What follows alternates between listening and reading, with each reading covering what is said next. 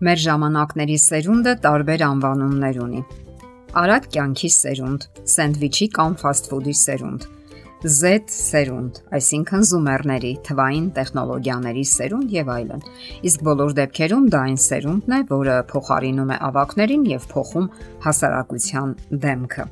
Իսկ ինչպես Նրանք ամեն ինչ անում են շատ արագ, առանց շունչ քաշելու ծախսում են իրենց pašարները, գումարները, ժամանակը, հոգեկան ու մտավոր ուժերը։ Հարկավոր է հասցնել մեծացնել երեխաներին, խնամել տարեց ծնողներին եւ հաճախ իրենց համար ժամանակ չի մնում, սակայն հարկավոր է այնպես վարվել ժամանակի հետ, որ հասցնես ամեն ինչ անել իր տեղում եւ իր ժամանակին, չայրվես ու չամայանաս, շարունակելով մնալ բազմակողմանի զարգացած անznավորություն։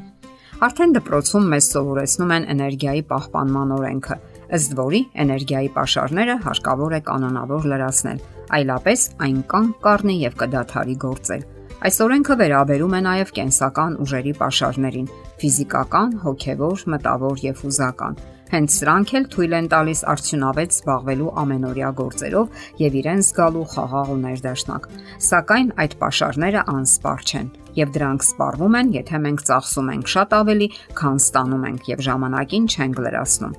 Դա կարող է տեղի ունենալ այն ժամանակ, երբ փոխվում են կենսական իրադրությունները։ Մարդը մեծանում է, մոտենում է 40-ին, երեխաները մեծանում են, ծնողները նույնպես մեծանում են եւ ավելի շատ խնամք են պահանջում։ Բնականաբար մարդն ինքը մեծացել է եւ ավելի շատ կարիք ունի հանգստի ու վերականգնվելու։ Նա այլևս նախկին ուժերով լեցուն երիտասարդը չէ եւ նրա համար այնքան էլ հեշտ չէ ընդունել նոր հանգամանքները, վերանայել նոր պարտավորությունները, հաշվի առնելով արդեն փոխված իր ցանկություններն ու հնարավորությունները։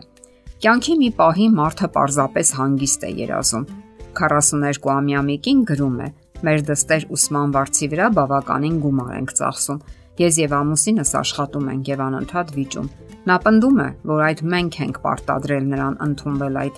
բուհը։ Իմ հայրն ու մայրը նույնպես չնայած իրենց տարեց հասակին, հաճախ են քննադատում ինձ եւ ես ուժ ու երանց չունեմ առարկելու նրանց։ Ես նրանց համար անում եմ ամեն ինչ, ինչ որ կարողանում եմ եւ հաճախ այնքան հոգնած եմ լինում, որ նմանվում եմ քամված լիմոնի եւ միայն մի ցանկություն ունեմ՝ պարկել ու հանգստանալ։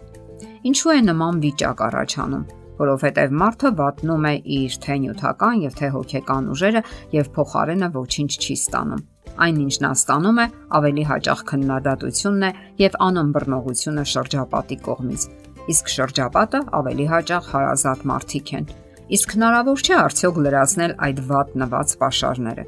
Ինչպես ցույց է տալիս գործնական կյանքը, պատասխանը եւ հեշտ է ու հասարակ եւ միաժամանակ բարդ։ Հարցն այն է, որ մարդը ոչ թե գիտելիքների պակաս ունի եւ չգիտի ինչպես պահպանել իրեն եւ իր ուժերը, այլ անտեսում է այդ գիտելիքները։ Այն մարդը, ով սովորել է ուրիշների շահերն ու հետաքրքրությունները բարձր դասել սեփականից, չի կարողանում հարմարվել ու հոգալ իր մասին։ Հոգեբան Մարիա Դանինան գրում է. Մենք հրաշալի գիտենք, թե ինչ է հարկավոր մերձավորներին եւ ինչպես օգնենք նրանց։ Եվ միակ բանը, որ պահանջվում է մեզանից, որpիսի վերջնականապես չսպառվենք ու ամայություն չզգանք, այն է, որ սկսենք կիրառել այդ գիտելիքներն ու հմտությունները մեր հանդեպ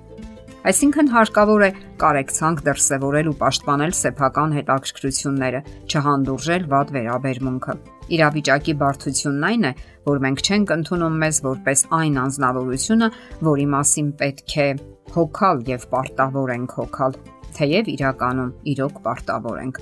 Շարունակելով իր միտքը հոգեբանը այնուհետև առաջարկում է լուծումը։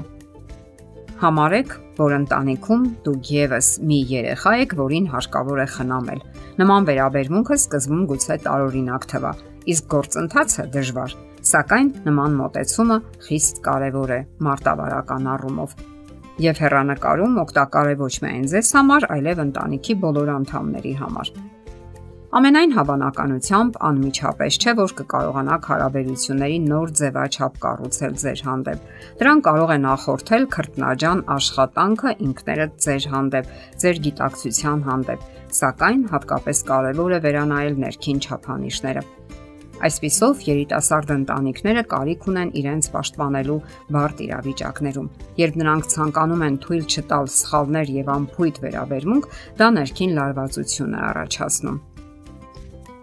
Մեր բոլորի գլխում պատտվում է լավ ծնողի, լավ ընկերոջ, լավ տանտիրոջ կամ տանտիրուհու կերպարը։ Հաճախ այդ պատկերները հյուսված են սոցիալական ցանցերի, սնդուսափայլ հրատարակությունների, ծնողական հորդորների կամ սեփական կատարելատիպային երևակայական պատկերներից։ Օգտակար կլինի սովորել ու ճանաչել դրանք։ Հարկ է որ երիտասարդները հիշեն, միայնակ թե ընտանիքով նրանք արդեն կյանք են մտել եւ անցնում են իրենց կենսական ուղին Խնայեք ու սատարեք ձեզ, իմանալով այն կանոններն ու սկզբունքները, որոնք կսատարեն ձեզ, դրանք կիրառեք կյանքում թեև երիտասարդ եք, սակայն ուժերի անսպառ pašար չունեք եւ վաղ թե ուշ վրա կհասնի հանգուցալուծումը։ Դե ինչ, եղեք խելամիտ, կարողացեք պաշտպանել ձեզ։ Եթերում ճանապարհ երկուսով հաղորդաշարներ։